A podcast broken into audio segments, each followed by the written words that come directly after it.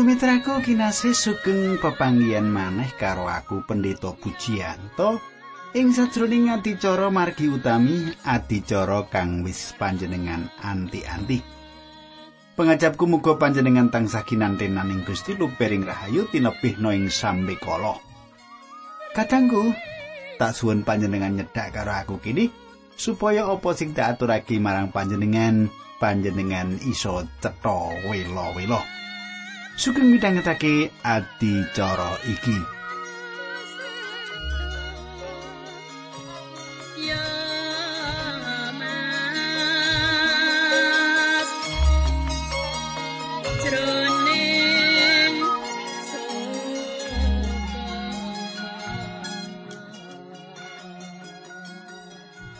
Katangku, tetemon kita kepungkur.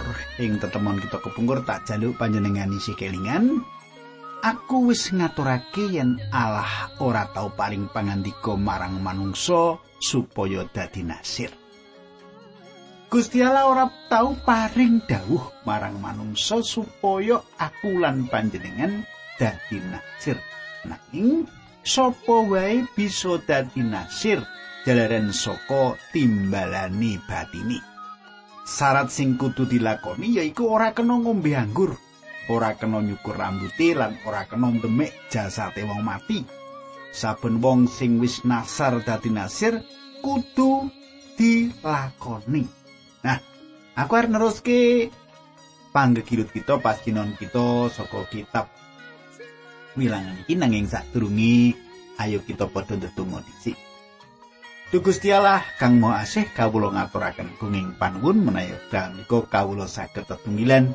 Saged sesarengan kalian sedherek-sedherek kawula lan paduka berkahi sedherek kawula menika Gusti. Kawula pasrahaken adicara menika wonten ing asta paduka linambaran asmanipun Gusti Yesus Kristus kawula tunggu haleluya. Amin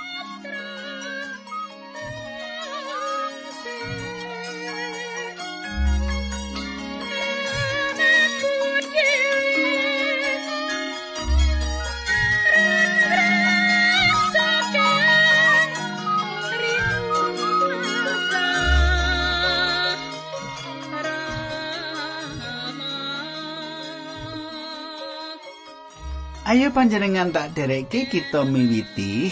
Anggegilut sinau saka kitab wilangan saiki tekan bab 6 utawa pasal 6 ayat 6 lan pitu tak wacake kanggo panjenengan ana basa pedinan. Mengkene surasani rambute kuwi kanggo tondo yen dheweke masrahake awake sumaos marang Allah Wong mau ora kena najisake awake, ora kena nyedaki wong mati senadan layone bapakne, ibune utawa sedulure pisan. Katangku ing bab 5 kita wis nyemak yen sekabihe wong sing nandang loro kusta utawa ngepok jasate wong mati mesti bakal disingkirake saka tengahe bebrayan kemai bangsa Israel. Mongko donya iki panggonane wong mati. Pati iku tondo sing paling jero kanggo saben menungsa. Pati iku tondo saka bumi sing kalimput ing dosa iki sawijining hukum sing diparingake Allah. Jalaran dosa pati iku ngrambah pangurupaning ing bumi. Kabeh dosa kudu dirampungake. Jalaran upah iku piweweke pati upah dosa. Iku pati nasir ora kena ngepok jasate wong mati iki ateges nasir dipisahake saka kahanan donya. Nasir kudu ngutamakake Allah. Gusti Yesus ngendika Matius 10 ayat 37 Sing sapa tresnani bapa utawa biyunge nganti ngungkuli tresnane marang aku kuwi ora patut dadi muridku lan sing sapa tresnani anake lanang utawa anake wadon ngungkuli tresnane marang aku kuwi ora patut dadi muridku. Katengku kautamane Allah sak nduri kabeh sing ditresnani. Ngungkuli katresnane marang sapa wae Allah kudu dadi nomor siji ing urip kita. Pancen dadi nasir iki sipate lilo legowo. ora ana panjurung saka sapa wae yen kepengin ngabdi marang Allah dadi nasir Allah ora bakal nolak ora bakal nampik. Apa kasukane penggalih panjenengan? Panjenengan temokake ana ing asmani Allah. Apa panjenengan lilo kisinan jalaran pertoyo marang Allah? Apa panjenengan sumadya andhap asor kagem kalurane Gusti? Apa panjenengan wis ngutamakake Allah ing gesang panjenengan Senadan ing jaman iki ora ana wong sing nasar dadi nasir, nanging Allah ngersakake saben kita wong percaya kanggo urip celak karo panjenengani. Iki kanthi lila legawa. Ora ana sing meksa yen panjenengan kagungan kerentek iki Allah bakal berkahi tekad panjenengan. Sing kita tindakake mung sowan kanthi urip sawutuwe, paribasane kanthi tangan sing kotong. Mung gesang panjenengan sing dikersakake Allah. Gesang panjenengan diisi ing pangibadah katresnan peladusan lan misungsungake wektu panjenengan sing isih ana. Akeh sing duweni pengalaman nalika urip iki miturut apa dawi Allah ora duwe kanca sing gelem ngombyongi nanging Allah kudu tetep sing utama ing gesang kita. Yen dadi wong Kristen sing wis mateng becike wali nuduhake apa sing ora bener ing ngarsane Allah marang anggota ing gerejani. Pancen iki bisa ndadekake kita ora disenengi karo anggota liyane, diarani duweni sifat sok. Sing sapa ngaku dadi wong percaya kudu nindakake apa sing dadi sabdane Gusti. Yen ora kaya mengkono, nyatane wong iku pinangkane ora saka Gusti. Saiki wilangan 6 ayat 8. Selawase dadi nasir wong mau masrahake awake marang Allah. Katengku, sepisan maneh yen kita wis wani masrahake urip iki ngarsani Gusti. Kita kudu kanthi tekad sing gembleng. Golong gilik ngutamakake Gusti Yesus Kristus sing urip kita. Kabeh risiko kudu wani ngadepi. Yen urip Kristen kita ora kanthi sakwutuhe percaya lan percayaake marang Allah kita wis kelangan berkah. Yen saiki panjenengan lagi ngadepi pacoban sing abot iki wektu sing becik kanggo pasrah urip ing ngarsane Allah. Tumindak iki ora banjur ngilangake pacoban sing panjenengan adepi nanging panjenengan bakal diparingi kekuatan kanggo menangake saka pancoban iku Gusti Yesus ngendika, coba panjenengan semak. Injil Matius bab 11 ayat 21 nganti 29.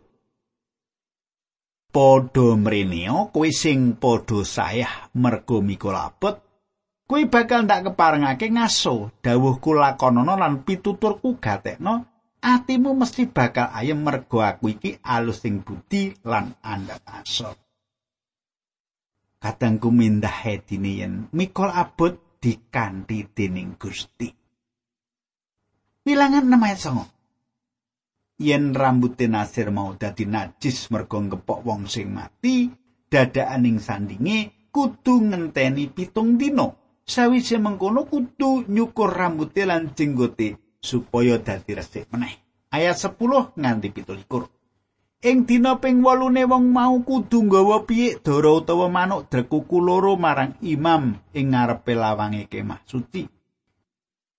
Ayat 23 Gusti Allah dawuh marang Musa supaya kondo karo Harun lan anak-anak yen berkati umat Israel kudu nganggo tembung mengkini. Allah muga maring ana berkah lan kowe padha direksa. Allah muga maring ana sarupaning perkara sing becik lan kowe padha keparing ana sih rahmat. Allah muga mirsani kanthi kawelasan lan kowe padha kaparing ana tentrem rahayu. Gusti Allah ngendika yen sadrone andum berkah marang umat Israel nganggo nyebut asmaku, aku yo bakal berkahi umat mau. Kadangku ing ayat-ayat iki kita nemoni Tritunggal ing perjanjian awas. Allah Sang Rama iku sumber sakai berkah. Gusti Yesus sing maringake sunaring pedanani marang kita lan Roh Suci uga mirsani kita supaya kita kabekan tentrem rahayu lan kebahagiaan. Ya iki cara sing bisa kita tedhak karo Allah panggonan sing ndadekake urip kita keparingan tentrem rahayu. Kahanan tentrem rahayu sing bisa kita alami kanthi nyata ing ati kita. Allah Tritunggal sing berkahi bangsa Israel. Sensus wis ditindakake. Kabeh Israel wis padha ngerti sarasilai. Gendirane para taler wis padha dikerek, dadi kabeh wis padha ngerti panggonan kemai dewi-dewi. Anggone keluarga saka talere padha mapan ing sak ngisore gendirane taler, nulis saben kemah disucikake lan Allah banjur berkahi. Durung kabeh gereja ngalami berkah Allah. Jalaran isih ana sing ora wani mlebu ing pangumbaran rohani. Durung siap. Durung tumata, malah uga anggotane durung siap kabeh nglakoni urip Kristen sing sejati. Kaya prajurit sing ora nganggo sabuk ing bangkeane kedodoran. Katanggu saupama wong Kristen iki kaya prajurit ora bisa melakukan diapik yen ora nganggo sabuk ing bangkeane. Yen saben kita kaya ngono kanane tegese gereja banjur macet. Mandek ora maju ing pelatusan. Yen kita ngugemi dadi putrane Allah kudu duweni tekad migunakake sih kanugrahane Allah lan sekabehi kekuatan kanggo nggayuh urip sing suci.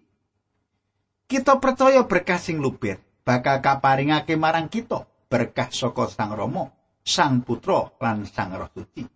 Berkah tentrem rahayu. Nah katangku tak suwun cetha panjenengan yo apa sing tak aturake mau. Saiki kita ngancik bab pitu, ha, pasal pitu sing ayate ana wolung puluh song. Apa isi ayat iku ngantek dawane kaya ngono? Iya toh. Isine bab Israel keparingan pemimpin.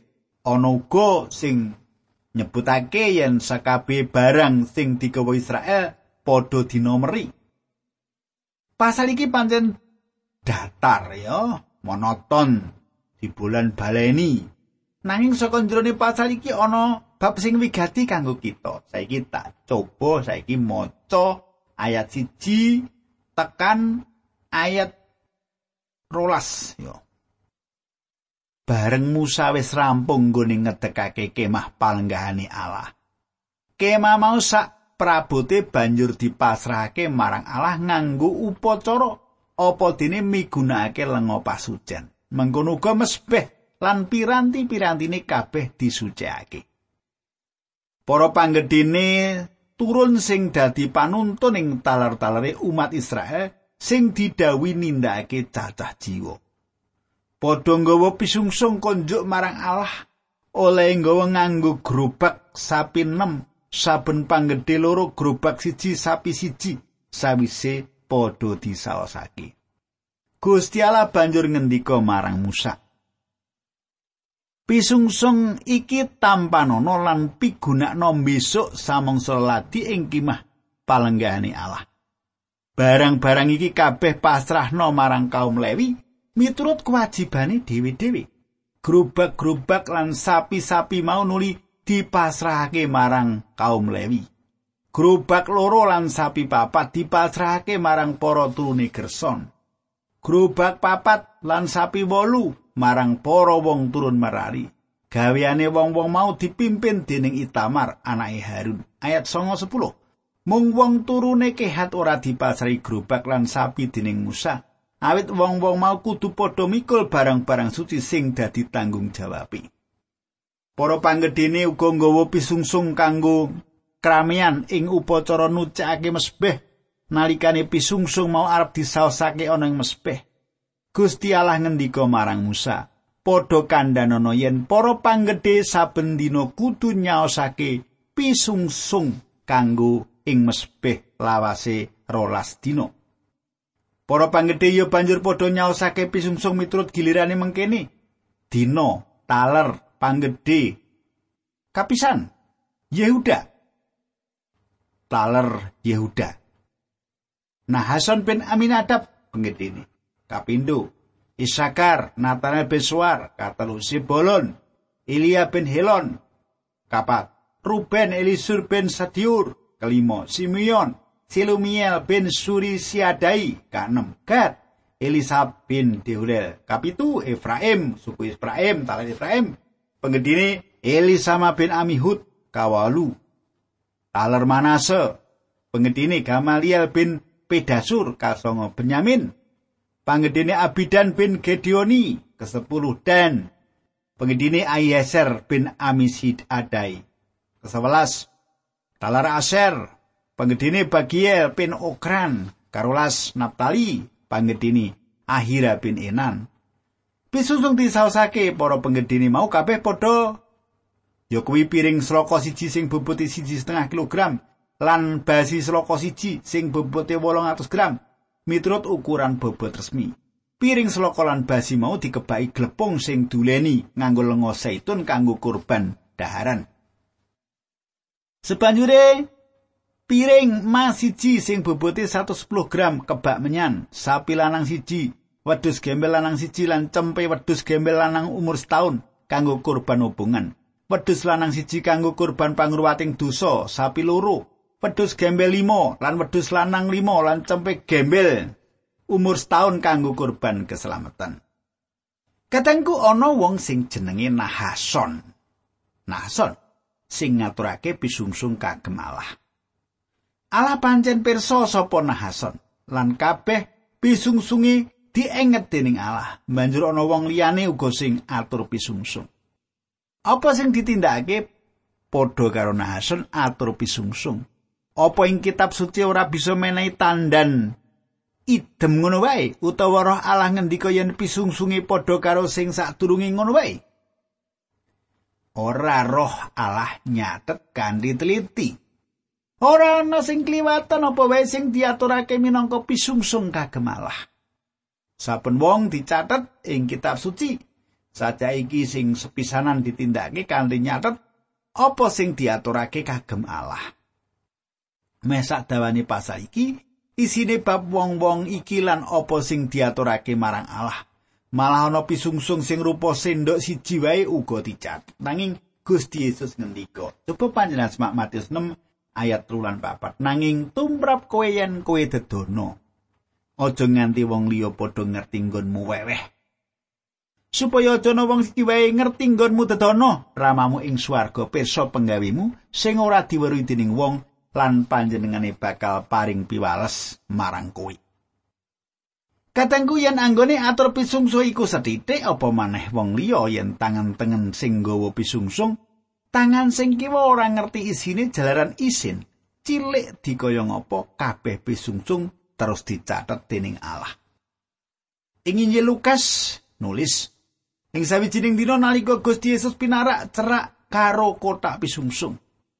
Apa Gusti kepengin pirsa pisusungi para kagungane? Bener. Panjenengan iku Allah kang maha mulya. Alai bait Allah. Pedalemane Allah. Panjenengane mirsani kepriye para kagungane iku atur pisungsung. Wong sugih mestine atur pisungsung sing hebat, sing wah, sing akeh. Pancen ana pisungsung sing gedhe-gedhe. Gusti Yesus pirsa kabeh. Nuli panjenengane pirsa ana mbok rondo sing ngatur pisungsung duit tembaga rong iji. Ya dibanding karo kasugiane pedalaman Allah, ora ana apa-apane. Nanging Gusti Yesus ora menggali kaya ngono. Mbok rondo iku ngaturake apa sing diduweni, mula Gusti Yesus ngendika yen pisungsunge mbok rondo iku pisungsung sing paling gedhe ana ing pedalamane Allah kono. Pisungsung sing kaya ngono kuwi mesti bakal dicatet ana ing swarga. Bab iku bisa kita yakini. Gusti Yesus pirsa kanthi cetha apa sing panjenengan aturake marang panjenengani. Gusti Yesus pirsa apa wae sing panjenengan aturake sarta pirsa apa sing panjenengan simpen kanggo keperluan panjenengan dhewe. Ana sing duweni panemu yen bab atur pisungsung marang Allah iku urusane antarane Allah lan pribadine. wong liya ora susah melu ngurusi saben kita para wong percaya kudu sadar yen apa sing kita aturake marang Allah iku dicatet kanthi teliti dening Allah kadangku apa panjenengan wis ngaturake? Apa sing muruwat sing pantes kunjuk kalurane Allah? Iki dadi pitakonan aku lan panjenengan. Gusti Yesus mirsani apa sing jenengan aturake iku cukup aji ana ngarsane Allah. Mbok menawa panjenengan kelangan di 10.000 ora krasa nanging tumrepong sing ora duwi duit 1000 kuwi ajine ora kira-kira Awis saka kuwi Gusti Yesus ngatakake wong sing bisa ngaturake awit saka perangan uripe upamane panjenengan penghasilane ora akeh ning atur pisungsunge cukup ngagetake Panjen sewu. Ya, nanging kanggone panjenengan sewu iku wis kena kanggo urip rong dina. Iso kanggo tuku lawuh awet rong dina umpamane. Ning kanggone wong sing sugih dit 10.000 kuwi ora padha karo sewu. Lah Gusti Yesus ndeleng sing mangkene iki. Nah, bejo panjenengan. Sing duwe Gusti Yesus sing mirsani kawicaksanan wong rondo sing mlarat mau dianggepi sung-sunge luwih gedhe tinimbangane wong-wong sugih sing ngaturake pingsungsung kuanti akeh ora akeh nanging kualitas pisungsung iku sing digatekake Gusti Yesus. Sebenarnya kisah katangku, ayo kita ndedonga. Duh Gusti Allah. Kawula ngaturaken kuing panuwun menawi wekdal menika kawula sampun saged ngekilut kayektosan kayektosan ingkang saking paduka. Kawula nyuwun Gusti berkahi sedherek kawula menika wonten ing perkawis menapa kemawon wonten ing bab-bab ingkang baku nggih menika kawilujengan supados saged mempertahankan keselamatan ingkang saking paduka yunambaran asmanipun Gusti Yesus Kristus. Kawula haleluya amin. Mangga